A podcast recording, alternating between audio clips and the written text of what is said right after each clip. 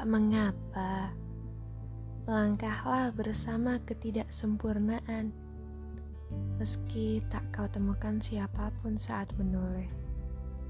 Melangkahlah hingga nanti kan kau temukan manusia baik yang menetap karena terlanjur mencintai ketidaksempurnaanmu.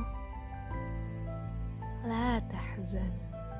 Sabarlah Bukan Allah tak tahu bahwa kita sedih, tapi Allah tahu bahwa kita mampu dan kita kuat menghadapinya.